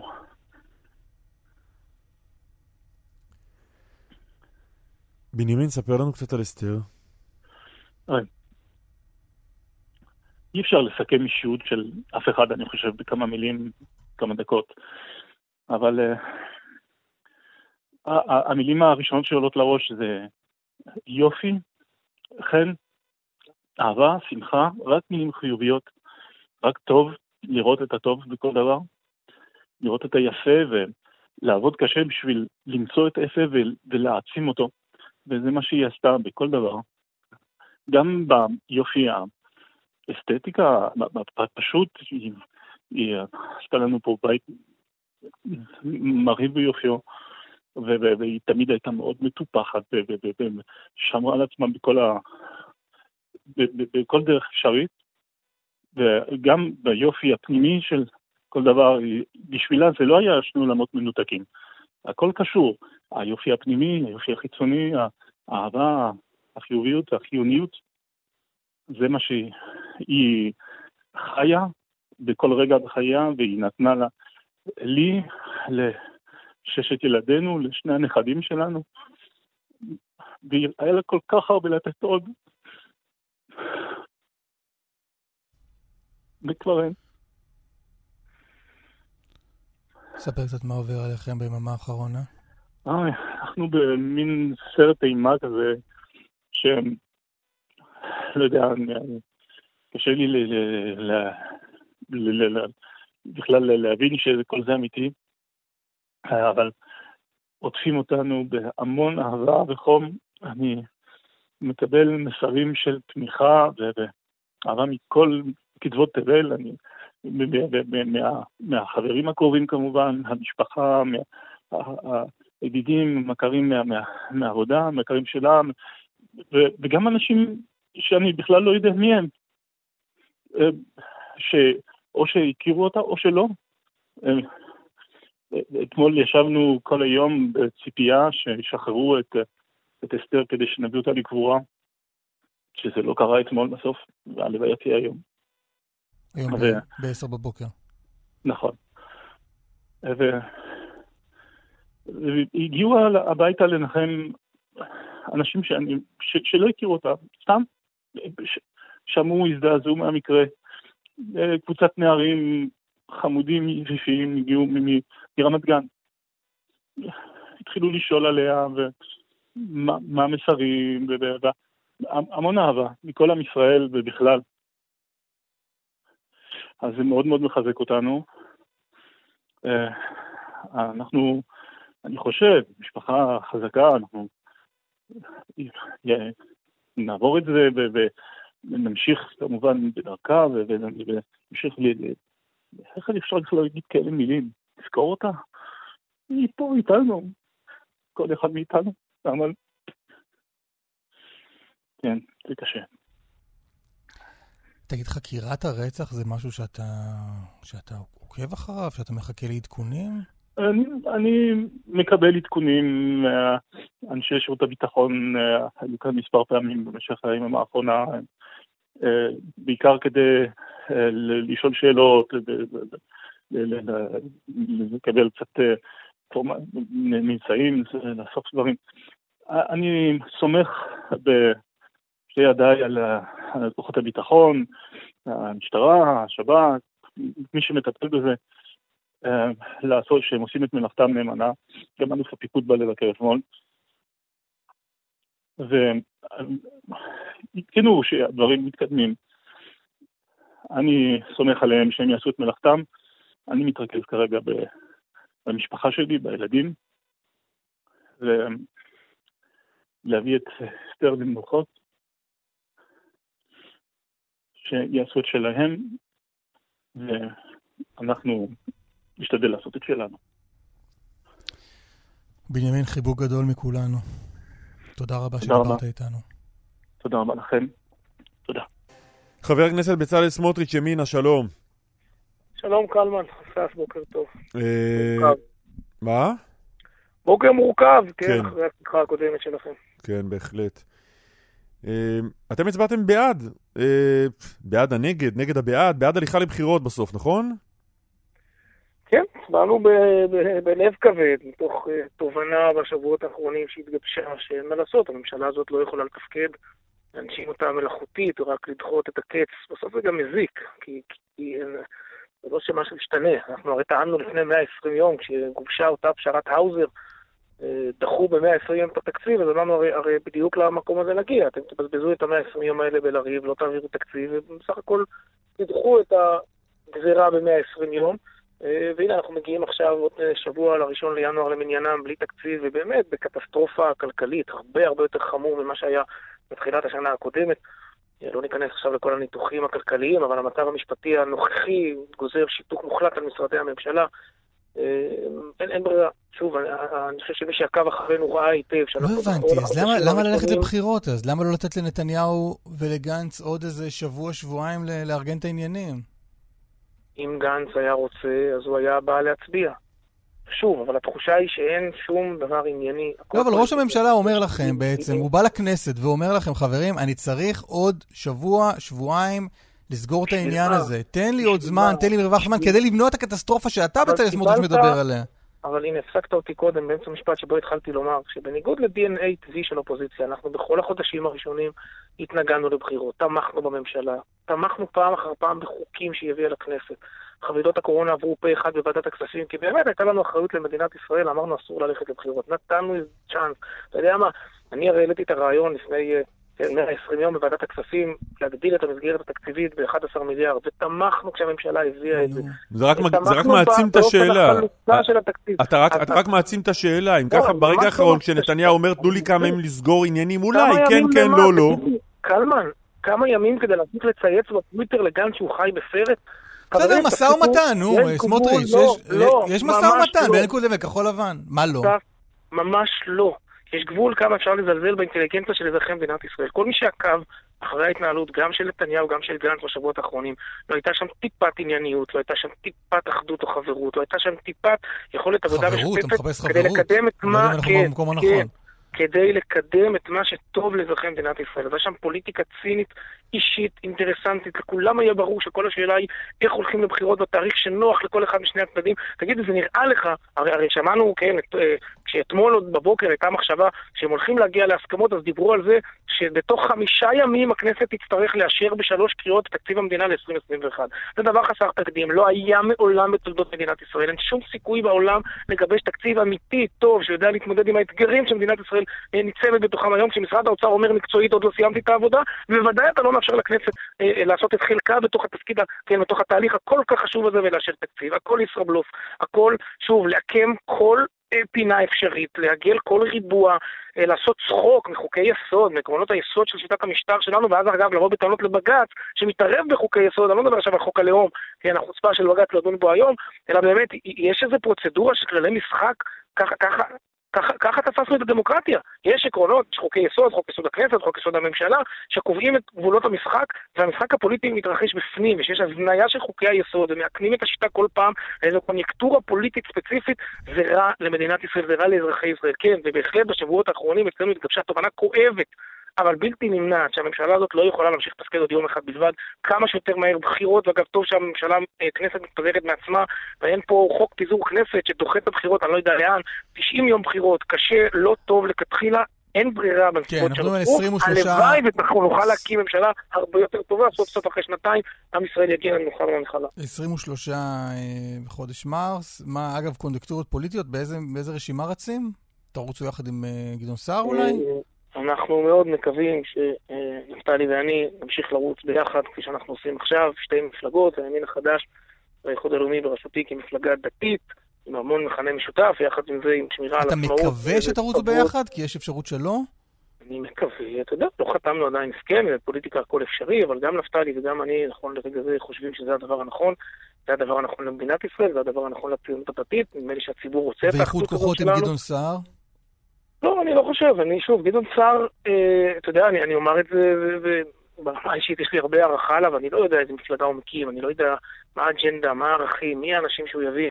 אה, רק לא ביבי זאת תוכנית עבודה, רק לא ביבי זאת לא אידיאולוגיה. אה, לא עם זה באים לציבור הישראלי, ובעיקר לא עם זה עושים טוב למדינת ישראל. אנחנו לאורך כל החודשים האחרונים, אגב, אנחנו משלמים על זה מחיר במנדטים בסקרים. אני לפחות עושה את זה בלב שלם, כי אצלי הפוליטיקה היא כלי למימוש הערכים ולא להפך, אני מוכן לשלם מחיר בסקרים, ולא להיכנס לשיח שאני לא מאמין בו, שיח של שנאה, של פילוג, של, של סימון אדם אחד, או כן או לא ביבי. וההבנה שלנו שמדינת ישראל הרבה יותר גדולה והרבה יותר טוב, זה אתה, אתה מיתמם. אדם כזה או אחר, אני ממש לא מיתמם. לא, אתה, אתה מיתמם, כי אתה יודע, בנימין נתניהו מכתיב פה את uh, המערכת הפוליטית ואת מהלך העניינים במדינה כבר הרבה רק- מאוד זמן. זה לא שאמרתי לך, ב- נפתלי בנט כן או לא, או גבי אשכנזי כן או לא. בנימין האם, נתניהו... האם לא כדאי ש, שלמפלגה שלכם תהיה איזו עמדה לגבי המשך כהונתו של האיש ש, שיושב ראש המפלגה שלך לפחות אומר שהוא נכ- נכשל כישלון חרוץ בניהול המשבר האחרון? אה, בנימין נתניהו קובע כאן את סדר היום גם בגללו, אבל לא מעט בגלל מתנגדיו, שגם הם לא שוקלים שום שיקול ענייני. אני מזכיר לך, ליברמן, אה, שעל פניו החזיק באיזה טיקט ימין בשנים האחרונות, אה, גרר אותנו לשלוש מערכות בחירות. אני מזכיר לך את מערכת הבחירות הראשונה, אי שם לפני שנתיים, שפשוט משנאה אישית, מאיבה אישית, וחסרת אחריות. אבל מה עמדתכם לגבי המשך כהונתו של בנימין. נתניהו? עמדתנו, עמדתנו מאוד מאוד ברורה ביחס למה שצריך לעשות במדינת ישראל. התיקונים הקריטיים שצריך לעשות במערכת המשפט, והנה התזכורת בוקר של ה... למה אתה לא מסוגל לענות על השאלה הזאת, חבר הכנסת סמוטריץ'? למה אתה לא יכול להגיד לי מה דעתך לגבי המשך כהונתו של בנימין נתניהו כראש ממשלה? אסף, עניתי לך, ואתה פשוט לא מוכן לקבל את התשובה. לא, אני לא, לא מוכן. לא ענית לי. לא. אז אני אסביר, אני אנסה. אז כנראה יש לי בעיה בלהסביר את עצמי, אני אנסה. אה, אני לא מוכן להסתכל על מדינת ישראל דרך הפריזמה של כן ביבי ולא ביבי. ביבי מצד אחד הוא אדם שיש לו המון זכויות במדינת ישראל, הביא המון המון הישגים, עשה המון דברים טובים. מצד שני, יש לי המון ביקורת עליו כרימון. גם עכשיו. האם הוא צריך להמשיך לכהן כראש ממשלה? למה למה לאדוני, שיש לו באמת דעות מכאן ועד אה, עד איפה שאתה רק רוצה, ויש לו תפיסת עולם מגובשת, לא יודע להגיד האם האיש שמנהיג את ישראל כבר הרבה מאוד זמן צריך להמשיך בתפקידו? אני אומר את זה כך, אני חושב שהימין הישראלי אה, ומדינת ישראל ראויה למנהיג יותר טוב בהקשרים שמעניינים אותי, שוב, של תפיסת העולם שלי, של מה טוב ונכון למדינת ישראל, אז נתניהו הוא מנהיג ימני של, אה, של הוא שחקן מגננה, כן? הוא מתפאר בזה שבשמונה שנות אובמה הוא לא אה, פינה יישובים וגירש מתיישבים. אני מאוד הייתי רוצה שחקני התקפה שמקדמים מדיניות ימין, מובילים תהליכים בזהות היהודית, בתיקון מערכת המשפט, בחיזוק ההתיישבות, בריבונות ועוד ועוד ועוד. ויחד עם זה, ואגב, ולכן אנחנו אה, מנסים להציב בפני הציבור הישראלי והימין הישראלי מודל אחר מהמודל של נתניהו ושל הליכוד, והלוואי, הלוואי, הלוואי, ונקבל בסופו של יום את האמון ונהיה המפלגה הגדולה ביותר ונצליח להרכיב בעצמנו את הממשלה. אם לא, אז אני, כפי שאמרתי, לא מוכן בשום אופן לקבל החלטות לפי כן ביבי או לא ביבי, אלא לפי איזה מדיניות, מי ייתן לנו את מה שאנחנו נחשוב שטוב למדינת ישראל. אנחנו נציב קווי יסוד, אנחנו נציב תוכניות עבודה גם בשיקום הכלכלה, גם בחברה, וכמובן בכל אותם נסכם את הפרק הזה בשיחתנו בבצלאל סמוטריץ' נקודותיים, אני לא פוסל את בנימין נתניהו. אני לא מכיר אף אחד בימינה שפוסל את בנימין לא, נתניהו. אבל אף אחד אחר בימינה לא מתראיין כרגע, אתה מתראיין, לכן אני שואל אותך, האם זה- יהיה משמעית. סיכום הוגן של שיחתנו? אני, לא. למה סיכום לא? חלקי. אני לא פוסל את בנימין נתניהו, ויחד עם זה יש לי הרבה ביקורת עליו, ואני אה, מאוד הייתי רוצה להצליח להחליף אותו. כולם יש ביקורת על כולם. ואני. ואני, ואני אה, אנסה עכשיו במשך שלושה חודשים למכור לציבור הישראלי את הערכים שלנו ותוכניות העבודה שלנו, אוקיי. ולנסות לשכנע אותו, לתת לנו את האמון ואת ההזדמנות לעשות את זה. אה, הזכרת את עניין חוק הלאום ואת הדיון שמתקיים היום בבג"ץ. יושב ראש הכנסת יריב לוין שלח מכתב לנשיאת בית המשפט העליון, השופטת אסתר חיות, והוא מסיים את המכתב במשפט הבא: כל החלטה שעניינה התערבות בחוקי היסוד שהתקבלו על ידי הכנסת תהיה בבחינת החלטה שניתנה בחוסר סמכות ולפיכך גם נעדרת תוקף. צודק מאוד. מה זה אומר? אבל בוא- אבל בוא, מכיוון שאתה חושב שהוא צודק, תסביר מה זה אומר נעדרת תוקף. אני חושב שאם בג"ץ יחליט לפסול או לא את חוק הלאום, כולו או מקצתו, אנחנו פשוט נצטרך לא לציית לזה, נקודה. מה- מה זה אומר לא לציית? קיים. טוב, זו שאלה גדולה, חוק הלאום הוא, הוא, הוא לא חוק אופרטיבי כל כך, הוא יותר לכן חוק אני שואל, מה כללי. זה לא לציית? אה, בסדר, זאת שאלה שאני צריך עליה את הדעת, אבל ברמה הכללית אה, זו החלטה חסרת תוקף. צריך להבין, בית המשפט לא מוסמך להמציא לעצמו סמכויות שאין לו. אין חיה כזאת. אנחנו, אה, המשמעות הכי בסיסית של שלטון החוק אומרת שהשלטון, אגב, על כל זרועותיו, שלושת הרשויות כפופות לחוק, והחוק מעניק לבית המשפט סמכויות מסוימות. אגב, במשך השנים התרגלנו כבר שהוא נטל לעצמו סמכויות שאין לו, אבל לפחות היה לו איזה היה לו איזה משהו, איזה, איזה טיעון דחוק להתעלות בו, שהכנסת הסמיכה אותו לפסול חקיקה אה, רגילה. בכל אופן, ש- אתה אומר, לא נצ- לא נציית לפסיקה הזו של בג"ץ אם תהיה כזו. אסור, אסור יהיה לצייד, אני אומר יותר מזה, אני חושב שעצם קיומו של הדיון אה, בעיניי הוא שבירה של כלים, ואני אומר את זה כבר תקופה מאוד ארוכה, אתה מכיר את עמדתי בעניין הזה, אני חושב שאחד האתגרים הכי משמעותיים של הימין אה, בכנסת הבאה יהיה לעשות שינוי עומק, כן, שינוי עומק. לא, אבל אתה, זה. שינוי- שינוי- שינוי עומק זה ברור, אבל אתה אומר עד אז פסיקות של בג"ץ שאתה, שאתה לא אוהב, לא מקיימים אותן. אתה מוכן להסביר לי למה זה לגיטימי שבג"ץ לא מקיים פסיקות של הכנסת, אבל הכנסת צריכה לקיים פסיקות של בג"ץ? איפה זה כתוב? איפה כתוב שבג"ץ, באיזה חוק במדינת ישראל? עוד פעם, אני לפחות למדתי אזרחות, אחר כך למדתי שני תארים במשפטים, אבל עזוב רגע, למדתי אזרחות, שהייתי בכיתה י"א וי"ב, ולמדתי שיש חוקים, יש חוק יסוד הכנסת, וחוק יסוד הממשלה, וחוק יסוד המשפט. אז יתכנסו חברי הכנסת, יתכנסו חברי- הכנסת באיזה פסקת- רגע, פסקת התגברות, ויתגברו על החוק של בית המשפט, על ההחלטה של בית המשפט, אבל אין לכם כזה רוב. רק שנייה, רגע, אבל אני לא צריך כרגע לחוקק פסקת התגברות כדי להתגבר על החלטה חסרת סמכות. נניח שבית המשפט עכשיו יקבל סמכות שצריך לצאת למלחמה ולכבוש את דמשק. בית המשפט, יתכנסו להם 15 שופטים, יוציאו פסק שאומר, אתה יודע, הרי עתירות מטורללות לא חסר. מחר מישהו יוציא פסק ויגיש עתירה למה אנחנו לא הולכים לכבוש את דמשק. וישבו 15 שופטים ויחליטו שזה הדבר הנכון ויוציאו פסק דין שמורה לצה"ל ולרמטכ"ל אה, אה, לממש תוכניות אופרטיביות שיש או אין, אין לי מושג, ולכבוש את דמשק. אני אצטרך לחוקק חוק כדי להתגבר על הפסיקה המופרכת הזאת, חסרת הסמכות הזאת, אני חוזר ואומר, אין לבית המשפט הישראלי אה, שום מקור חוקי כדי לשאוב סמכות לדון בחקיקת יסוד של הכנסת. לכן זה פשוט חסר סמכות לחלוטין, זה מופרך. שוב, יש חוק מדויק שמגדיר את סמכותה של הכנסת, את גבולות סמכותה. יש חוק מדויק שמגדיר את סמכותה של הממשלה, את הגבולות והאחריות. אה, אגב, היועץ המשפטי לממשלה הוא הגורם היחידי במדינת ישראל. סמוטריץ', אה, עוד- עוד אגב אחד, ולא נספיק עוד לסיים עם נושא שחשוב לך לדבר עליו, אה, וזה בחקירת אה, האירוע אתמול, שבו נהרג אהוביאס אה, סנדק, בן 16 מבת עין. מה אתה יודע שקרה שם? הדבר היחידי שאני יודע זה שהיה מרדף משטרתי, שבסופו רכב הבילוש נגח, אה, אינני יודע כמובן אם בכוונה או לא, אבל נגח מאחורה. אה, וזה מאוד בולט מהממצאים בשטח ברכב של הנערים האלה, גרם להתהפכותו, וזו תוצאה טרגית, שבו נהרג בחור צעיר. אה, תוצאה שאסור בשום פנים ואופן שאירוע כזה יסתיים בה, אירוע מאוד מאוד חמור. סתם, קודם כל ברמה הכי פשוטה, חיי אדם. אה, תפקידה של משטרה זה לשמור ולהגן על חיי אדם ולא חס וחלילה לפגוע בהם. והדרישה כמובן החד משמעית שלנו זה שהאירוע הזה ייחקר עד תום, בלי לטשטש. אתה יודע מה. קדם למרדף הזה? מה הביא את המרדף? לא, לא, אני לא יודע. האמירה היא שיושבי הרכב נחשדו ביידוי אבנים על רכב אה, פלסטינים, זה נעשה זה כמובן חמור מאוד. אה, אסור לקבל את זה בשום פנים ואופן. לא, יחד כי- אם- זה מה. שקרה, אז המרדף הוא, אה, אלא אם כן תגיד לי שאתה חושב אחרת, הוא מרדף לגיטימי, לא? יש נהלים מאוד ברורים של המשטרה מתי מותר לבצע מרדף ואסור ומתי לא. מה שבטוח זה שאסור במהלך מרדף לנגוח ברכב שמולו אתה, אה, שאחריו אתה רודף כדי להפיל אותו אה, מהכביש. וזה מה שקרה, ועוד פעם, לא יודע אם בכוונה, אבל המציאות היא שרכב המשטרה פגע ברכב וגרם כנראה לאיבוד השליטה ולהתהפכות ולתוצאה הטראגית. אה, גם אם הייתה זריקת אבנים קשה וחמורה, אני לא מכיר במדינת ישראל עונש מוות על זריקת אבנים. ו- וצריך לומר, האירוע הזה מכה גלים, קלמן, במעגלים מאוד רחבים בהתיישבות, זה כבר לא, אתה יודע, פעם ניסו אה, לתחום את המעגל הזה של נערי הגבעות. אה, בכלל יש תחושה אה, שהמשטרה וימ"ר ש"י והמחלקה היהודית בשב"כ, את כל הכפפות, כל מה שאסור לעשות בשום מקום אחר, מותר לעשות כנגד הנערים האלה. מה, מה, האימונים, המרדף המשטרתי הוא. הוא הדבר? תסביר לי מה... לא, תראה, אסף, המרדף מה אתה חושב שהיה כאן לא בסדר? אם הייתה פגיעה מכוונת ברכב אה, כדי להפיל אותו מהכביש, כנראה בניסיון לעצור אותו, חס וחלילה, מן הסתם לא בניסיון להפוך אותו, אבל זה, אני חושב, קו ש- שלא תואם את הנהלים ואת הפקודות ואת החוקים של המשטרה. גר- גרסה אחרת ש- גרסה אחרת שאני שמעתי לאירוע הזה היא שנפרסו שם כוחות וההתהפכות לא נגרמה בגלל התנגשות בין שני כלי הרכב, בין הניידת לבין הרכב של- של הנער. א', א', זה מה שצריך, אה, זה מה שצריך להיבדק. לא, כי אתה כבר, זה כבר נשמע שכבר לא, יש לך לא, לא. מס- מסקנות ואתה אומר חציית? קווים.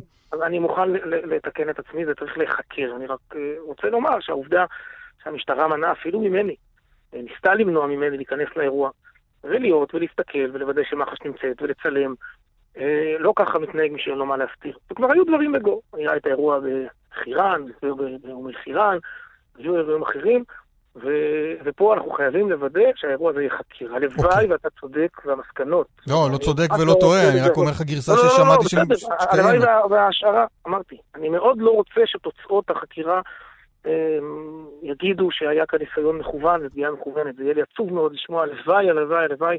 יסתבר שלא נפל. רבב בתפקודם של השוטרים, וזו תוצאה טראגית של הבריחה עצמה.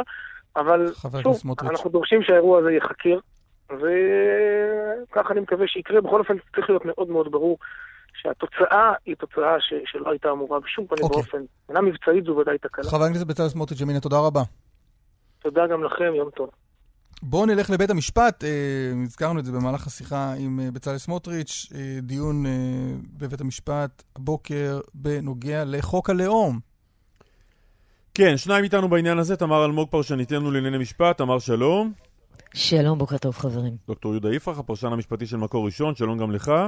שלום ובוקר טוב. בג"ץ דן היום בעתירה שהוגשה מתי? כי החוק הזה כבר חי איתנו תקופה.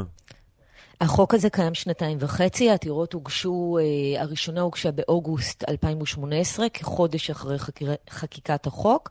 האחרונה הוגשה באזור אה, סוף 2019. מה גרם לבג"ץ אה, לחכות יש- שנתיים וארבעה חודשים כדי לקיים את הדיון הזה? ולא ארבע זה שנים וחודשיים? כן. יש, אה, מדובר ב-15 עתירות שבעצם אוחדו אה, יחד. אה, רוב העתירות הן מ-2019. אה, מדובר אכן בחודשים ארוכים, כאשר הדיון הועבר להרכב מורחב. ברגעים אלה ממש יושבים ודנים בעניין הזה 11 שופטים, ואני גם יכולה להעריך שייקח זמן עד שיקבלו החלטה. וגם הדיון עצמו יהיה ארוך, אנחנו uh, מעריכים שזה ייקח כמה שעות, והוא גם uh, נראה די סוער עד כה. שנדבר קצת על מה בעצם אומרת uh, הנשיאה חיות שבמוקד הדיון. יאללה. השאלה, השאלה בעצם, השאלה היא, תראו, חוק הלאום הוא חוק יסוד. והשאלה הגדולה, שעד היום לא ניתנה לה תשובה, והיא במוקד הדיון היום, זה אם בג"ץ, אם בית המשפט, יכול בכלל, אם יש לו סמכות להפעיל ביקורת שיפוטית, או במילים אחרות, לבטל חוק, להתערב בחוק יסוד. חוקים, אנחנו יודעים שבג"ץ יש לו סמכות, והוא יכול אה, לבטל סעיפים או את כל החוק, אם הם סותרים חוק יסוד. אבל מה קורה כאשר יש חוק יסוד שלכאורה, לפי העתירות, הוא לא חוקתי? האם גם אז בג"ץ יכול להתערב, או שזה שמור כאמור רק לחוקים רגילים? ואם יש סמכות כזאת לבג"ץ, אז מה המקור של הסמכות הזאת, ואיך מפעילים אותה? אלו השאלות שבגדול בג"ץ אמור אה, לדון בהן היום. כשבג"ץ יהודה יכול uh, לבחור מה הוא רוצה מתוך כל הסלסלה הזו, כלומר יכול להגיד כן, יש לנו סמכות, אבל במקרה הזה החלטנו לא להתערב, נגיד. במובן הזה אין ספק שההישג הגדול של העותרים זה בעצם הדיון. זאת אומרת, אם אנחנו קצת נלך, נלך אחורה, אז המהפכה החוקתית, החוקתית הראשונה, שאותה הוביל אהרן ברק בשנות ה-90, אז היא נכסה לבית המשפט סמכות אה, לפסול חוקים רגילים שסותרים את חוקי היסוד, כמו שאמרה תמר, תמר מקודם. ועכשיו אנחנו בעצם שואלים האם בג"ץ יכול לפסול את חוקי היסוד עצמם. עכשיו, זה בעצם מהלך שהוא התחיל מחוץ אה, לבית המשפט. אה, אני בזמנו כתבתי על, אה, על אה, הרצאה שנתן אה, אהרון ברק בכנס של הבינתחומי בהרצליה, ושם הוא הביא איזשהו חידוש טרי, הוא בא ואמר, חבר'ה, תקשיבו, מגילת העצמאות היא בעצמה מגבילה את סמכות הכנסת כסמכות מכוננת. זאת אומרת, אם עד עכשיו חשבנו שהכנסת היא הסמכות העליונה שיכולה... זה מהעת האחרונה, ההרצאה הזו. זה, זה, זה, זה, זה, זה היה... לפני זה- כשנה זה- וחצי, זה- אני. זה כן, לא, זה- בינואר 2018. כן, כן, לא, זה אחרי, זה 2018. זה הרבה אחרי תום כהונתו של של אהרן ברק. נכון. הרבה אחרי תום כהונתו, בינואר 2018, הוא נושא הרצאה במרכז הבינתחומי, והוא אומר, חבר'ה, תקשיבו, עד עכשיו חשבנו שהסמכות העליונה זה הכנסת בכובעה כרשות מכוננת, הכנסת כאשר היא בעצם כותבת את חוקי היסוד. אבל יש, עכשיו אנחנו, אני מגלה, יש בעצם אה, רמה, אינסטנציה מעליה, ומה זה אינסטנציה מעליה? זה מגילת העצמאות. שמגילת העצמאות, בואו נזכר שתמיד, גם אה, במשך הרבה מאוד שנים הקפידו לשים אותה מחוץ למערכת הפוליטית, לא להתייחס אליה כטקסט, כטקסט משפטי, בשביל לשמור עליה כ, כ, כזו שנמצאת בקונצנזוס ולא נתונה למחלוקת ולפרשנויות, אבל בא ברק ואומר, אנחנו יכולים לקרוא מתוך, מתוך מגילת העצמאות אה, עקרונות שהן בעצם מגבילות אה, יגבילו את הכנסת כסמכות מכוננת, ולמעשה בג"ץ יוכל לבטל חוקי יסוד חדשים, אם לדעתו הם סותרים עקרונות שנמצאים במגילת העצמאות. אהה, אז, עכשיו- אז, אז, אז, אז כלומר, לתפיסתך, אתה מזכיר את, ה, את ההרצאה הזאת בבינתחומי בהרצליה, כי לתפיסתך, כלומר, השופטים יכולים להתבסס על הדבר הזה, על הטיעון הזה, כדי לפסול את חוק יסוד הלאום? זאת, בעצם הטענה, זאת בעצם הטענה שהעלה אה, אהרון ברק. דרך אגב, מי שדוחה אותה באופן אה, נחרץ זה היועץ המשפטי לממשלה, אביחי מנדלבליט. אם נזכר בתגובה שהוא הגיש לבג"ץ אה, על חוק הלאום ה- הנוכחי, אז הוא מביע בתגובה הזאת התנגדות נחרצת להתערבות שיפוטית בחוק הלאום. הוא בא והוא הוא כותב, אני, הוא כותב אה, היועץ המשפטי לממשלה לבג"ץ, אומר להם, אני ניתחתי ניתוח פרטני טענות העותרים אה. ואת כל הטענות שהם אה, טוענים לקשיים ופגמים כאלה ואחרים בחוק. הוא בא ואומר, וניתחתי גם את הדוקטורינות שמציעים איך להתערב בחוק, מה שנקרא תיקון חוקתי שאינו חוקתי ושימוש לרעה בסמכות מכוננת, הוא אומר בכל הדברים הללו לטעמי אין בהם שום, אה, הם יושבים מכירי תרנגולת, אין להם שום בסיס, צריך לדחות אותם על הסף, אין מקום להכרעה אה, חריגה ותקדימית בדבר דוקטורינות העוסקות בביקורת שיפוטית לחוקי היסוד, זאת, זאת, אה, זאת העמדה של היועץ המשפטי לממשלה, אבל עצם העובדה שהדיון הזה מתקיים, וגם אם בסוף, אה, בסופו של דבר, אה, העתירות הללו יידחו, או שהם ישלחו את הכנסת לתקן את החוק, זה כבר למעשה הפכה שיפוטית, המהפכה השיפוטית 2.0, שיש בה משהו כן, וצר- שלמעשה באמת שם את בג"ץ מעל כל הפירמידה. וצריך לומר בעניין ה, אה, מה שיהודה אפרח אמר לגבי ה- אה, דברי היועץ המשפטי לממשלה, אנחנו שמענו אותו, את היועץ מנדלבליט, אומר את הדברים האלו שוב שלשום, חוזר ואומר את זה לפני הדיון. אבל גם צריך לזכור שגם הנשיאה המכהנת, שכרגע יושבת בראש ההרכב, אמרה בעצמה, בעניין אחר, התבטאה בפסיקה, שהתערבות בדברים האלה, בחוקי יסוד, היא תהיה במקרים מאוד מאוד מאוד חריגים. היא בכלל תישקל במקרים מאוד מאוד מאוד חריגים. חריגים. עכשיו, אגב, גם ברגעים אלו, בעודנו מדברים, נמשך הדיון, והוא דיון סוער. ואומרים, כבר הגענו לנציגי העותרים? תני השניים, הקבוצה אה, השנייה. למשל, אומר אה, אה, אחד מעורכי הדין, הוא אומר, הם מדברים על ה... אה, אני מצטטת לכם, למשל על הלחימה, על השותפות של העדה הדרוזית בבניין המדינה, בלחימה. נותנים דוגמאות, אומרים איך אנשים שעכשיו אה, אה, נלחמים, איך נסביר להם את מה שקורה כאן, איך אני אסביר לבן שלי אה, אה, שאנחנו לא אזרחים אה, סוג א'. אה, הנשיאה, אגב, מנסה קצת להרגיע את הטונים של מה שקורה בדיון. אבל זה דיון שבעצם כרגע עוד לא מדבר על מקורות הסמכות, כמו העניין המשפטי, מדוע בג"ץ יכול להתערב, אלא מה המשמעות של החוק הזה וסעיפיו עבור קבוצות מסוימות באוכלוסייה, כך לפחות היה עד עכשיו. עכשיו, הסיכוי, אגב, הסיכוי שבג"ץ יתערב הוא לא סיכוי מאוד מאוד גבוה. לפחות כך היו הערכות עד הדיון הבוקר. עצם העובדה שבג"ץ דן, כמו שיהודה אמר, עצם העובדה שבג"ץ דן, אה, היא משמעותית מאוד, אבל היא לא אומרת שבג"ץ בסופו של דבר יפסול סעיף או את החוק, ומאוד יכולת למשל שינסו למצוא דרך אה, לתת פרשנות לחוק שמאפשרת אה, לקיים אותו כמו שהוא, בלי לבטל אותו ובלי לשנות אותו. אבל עצם הדיון, כאמור, הוא היא אני חושב, אני, חושב ש, אני חושב שהדוגמה שנתנה אה, תמר, אני רוצה להתעכב עליה כדוגמה מעניינת, וזה בעצם מתוך, אחת מתוך 15 עתירות. זה לא נצליח של, אה, ממש להתעכב עליה, אז תן חצי משפט. עיכוב קל. אני אומר משפט אחד, עתירה של, אה, של קבוצה של דרוזים, שאליה הצטרפו קבוצה של משפטנים מהשמאל מרכז. בעתירה הזאת באה ואומרת, חבר'ה, אנחנו לא רוצים לבטל לגמרי את החוק, אנחנו רוצים להוסיף לו גם את סעיף השוויון. עכשיו, זה בדיוק התערבות בשיקול דעת של הכנסת. כי הכנסת, סיבה שהיא לא, עד עכשיו לא הוסיפה את סעיף השוויון, זה לא בגלל שהיא לא מאמינה בשוויון, זה בגלל שהיא ראתה מה עשו, מה עשו, מה עשה בג"ץ, לאיזה פרשנות רדיקלית בג"ץ יכול לקחת סעיף כזה, ומה הוא עושה לדוגמה בחוק אה, איסור הפליה בשירותים ומוצרים, איזה פרשנות מרחיקות לכת הוא לקח, והכנסת לא מאמינה לבג"ץ שאם תוסיף את השוויון, הוא לא ינצל אותו לרעה. עכשיו, זה אוקיי. בדיוק המקום שהכנסת אמורה להחליט, ולא בג- ולא בג"ץ. לכן זה אולי מוכיח בזה. את הבעייתיות של העתירה. יהודה, תודה, תמר, תודה. תודה, תודה. תודה. לכם. בוקר טוב. עכשיו איתנו שרון עידן, כתבנו לעיני מקומות בעולם. אקזוטים, אקזוטים, אל תשכח את האקזוטים באמצע. אה, בואו, אל תחשוף מיד את היעד. כן, רק תעשה סיבוב כרגע 360 מעלות ותאר לנו מה אתה רואה? תקשיבו, אני כרגע רואה, לא, אבל באמת, והייתי בכמה מקומות, כמו שאתם יודעים, מי טורקיז שכמותם לא ראיתי מעולם. מי טורקיז, הרים אדירים. שצמודים אליהם. מה צמוד אליהם? אני אומר, הרים ירוקים הרים. שצמודים עולים מהים. הוא בחדרה, אתה. בחדרה. איזה יופי. ליד הארובות. איפה זה? תגיד לי, איפה זה המקום, איך נוסעים לשם? איזה כביש תשמע, זה, זה מקום שבעצם הישראלים עד היום, או עד מחר, אה, למעשה הורשו להגיע אליו ביחד עם אה, דובאי ורואנדה, איי סיישל. אני נמצא כרגע באי מאהט, שהוא האי המרכזי. תשמעו, זה שש שעות וחצי מישראל. אין, זה לא, לא דומה לשום דבר. כמה שאנחנו יודעים שהאוקיינוס ההודי יפהפה, יוצא דופן, זה באמת לא דומה לשום דבר. אלה נופים מרגילים, אין כאן תיירים, משום שבעצם התיירים היחידים שהם מקבלים זה מישראל ומעוד שתי מדינות, אז מה ששומעים פה זה באמת עברית. וגם זה עומד להיגמר. וכמובן, כן, זה הולך להיגמר ביחד עם הקריאולית, וזה הולך להיגמר בעצם אה, כתוצאה, אסף וקלמן מאותה החלטת קבינט אתמול, בעצם... רגע, רגע, לפני. הקבינט, כמה גדולה הקבוצה שלכם שם, הישראלים? כמה אתם שם? תראה, קשה לדעת כמה ישראלים יש פה, אני נמצא פה עם המשפחה לבד, רוב הישראלים שמגיעים לפה מגיעים לכל מיני ריזורטים. אה, נסעת לחופשה? כן, כן, אה, אנחנו. מפריעים לך בחופשתך. אתם היחידים שאני מרשה להם להפריע לי בחופשתי, אתם יודעים. לכבוד הוא לנו. אבל יש לנו הערכות שיש כאן כ-4,000 ישראלים, אלה המספרים.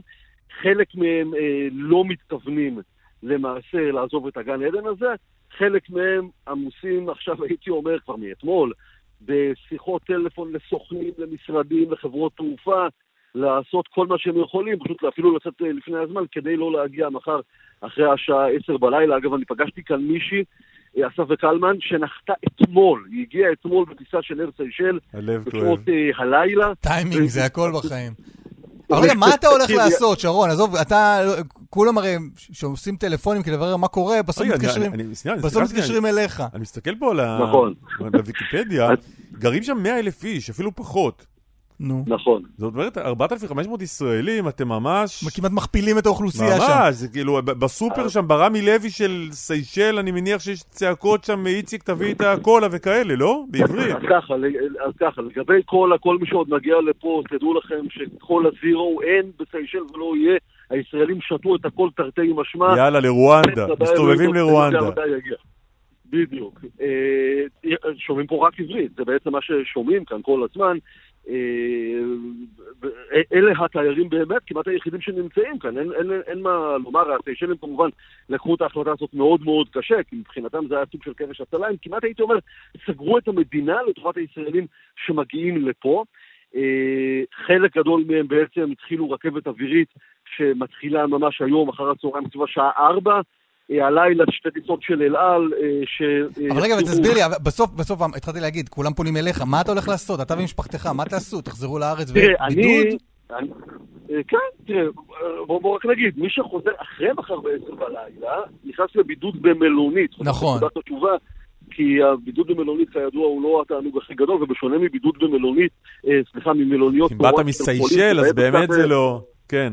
בדיוק, זה, זה, זה גם חזרה, הייתי אומר, נחיתה די קשה.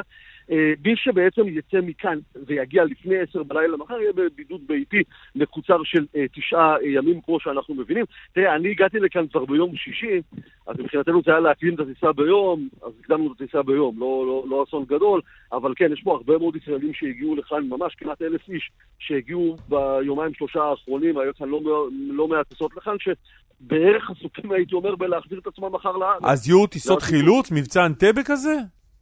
מחזירים כן, את יש הישראלים הביתה? כן, יש סוג של טיסות, תראו, יש טיסות רגילות שיוצאות. יש טיסות חילוץ שהוסיפו גם החברה הסיישלית, גם ארקיע וגם אל על בנוסף לטיסות הרגילות. הטיסות האלה יצאו אה, במהלך היממה הקרובה. הלילה טיסה אה, גדולה של אל על, דרימליינר שמגיע לכאן, שלא היה מתוכנן, אחר כך טיסה אה, רגילה שהייתה להם, טיסות שהיו אמורות לצאת מחר בשעות מאוחרות יותר, כמובן מקדימים אותן, גם חברות התעופה, הכל כדי שכולם יהיו עד עשר בלילה מחר אה, בארץ ויעשו את הבידוד בביתם המקוצר ולא במלוניות.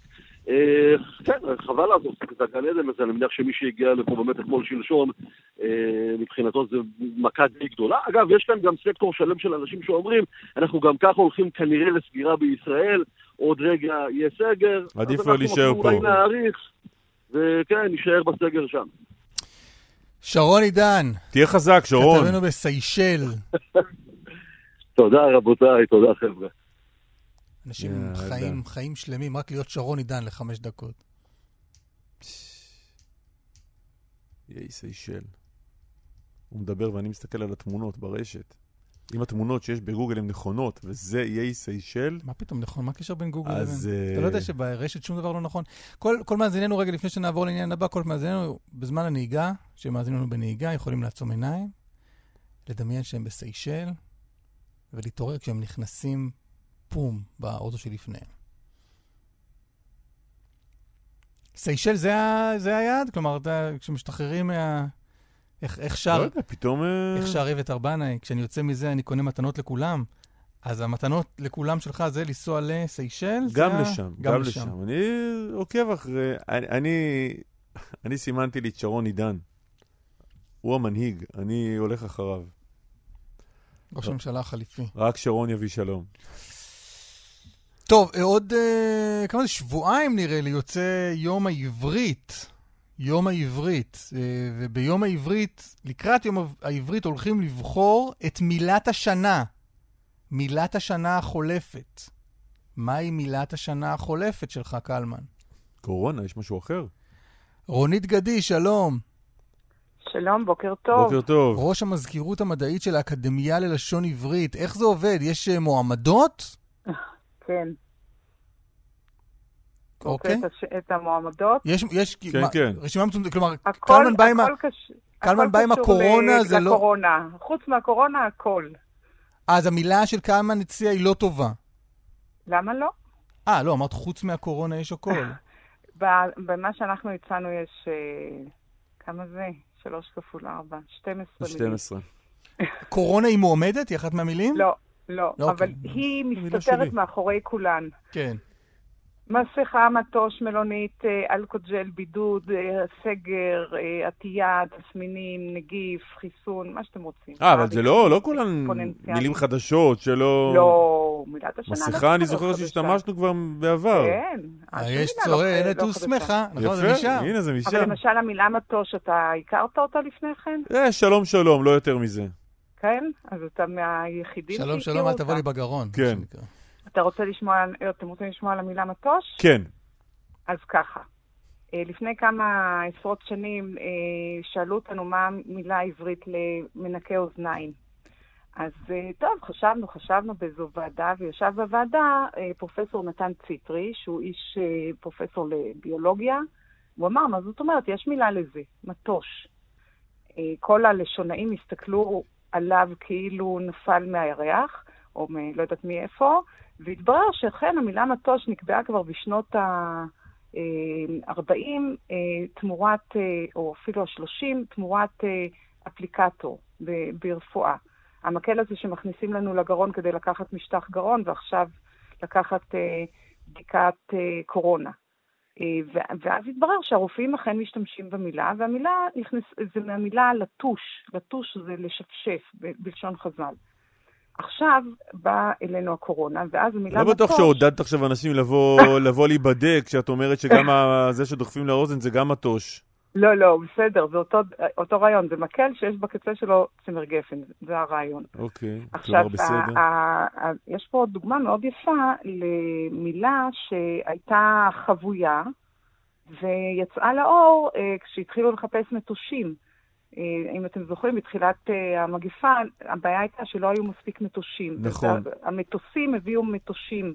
אבל את ו- בכלל, אני שומע, רונית, את בעד המילה סגר. כן, עכשיו, בעניין סגר זה גם סיפור, אני בעד המילה סגר כי היא סיפור בעיניי אה, אה, מאוד אה, מאלף על איך מילים נערכות בלשון. כשהתחלנו לדבר על סגר, לא דיברנו דווקא על סגר, דיברנו על הסגר או סגר.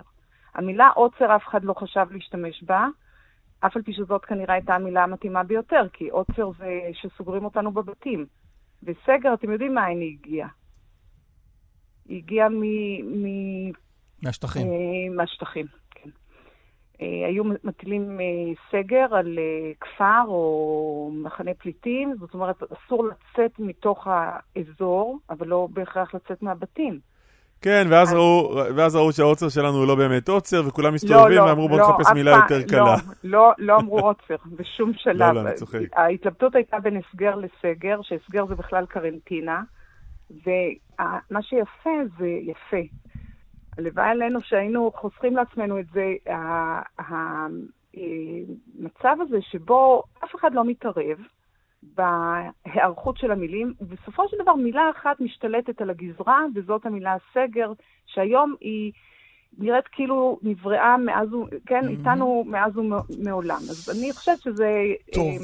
אם יש משהו טוב. בקורונה, תגידי, יש, רונית. יש עוד קטגוריות, נכון? איפה אפשר כן, כן, למצוא את אז, הכל אה, ולהצביע, באתר, או באתר להצביע או האקדמיה להשפיע? יש, באתר האקדמיה אפשר להצביע ולהשפיע, יש אה, מילה אהובה, מילה נדירה אהובה, חידוש. זו בעצם מערכת אה, הבחירות טוב. החמישית עכשיו. אה, שש, אצלנו זה שש בחירות, כן? אה. המילה המצחיקה, המילה, אה, אני יודעת, אה, הסלנג גם, שאי אפשר. בלעדיו, אחלה, סבבה ושות. אה, אחלה סבבה, זה ממש טרי הרבה- מהניילונים. כן. כן. לא, זה לא מילים חדשות, זה מילים אהובות, ש... שהם מרגישים עליהם איזשהו יחס, ויש לנו עוד הרבה מאוד פעילויות, כולן אה, בתוקף ימינו המשונים. יפה, וכל זה באתר של האקדמיה ללשון וכל עברית. זה באתר האקדמיה רונית ללשון גדיש, תודה העברית. רבה. תודה, תודה. ושיהיו לנו בשורות טובות. רק בשורות טובות. יש לקוות. תודה רבה ל... תודה רבה ליהודית דמארי אגסי, לעידית בן יאיר, לנדב רוזנצוויג, ליאיר ניומן, לאהוד כהן, ולך אסף ליברמן.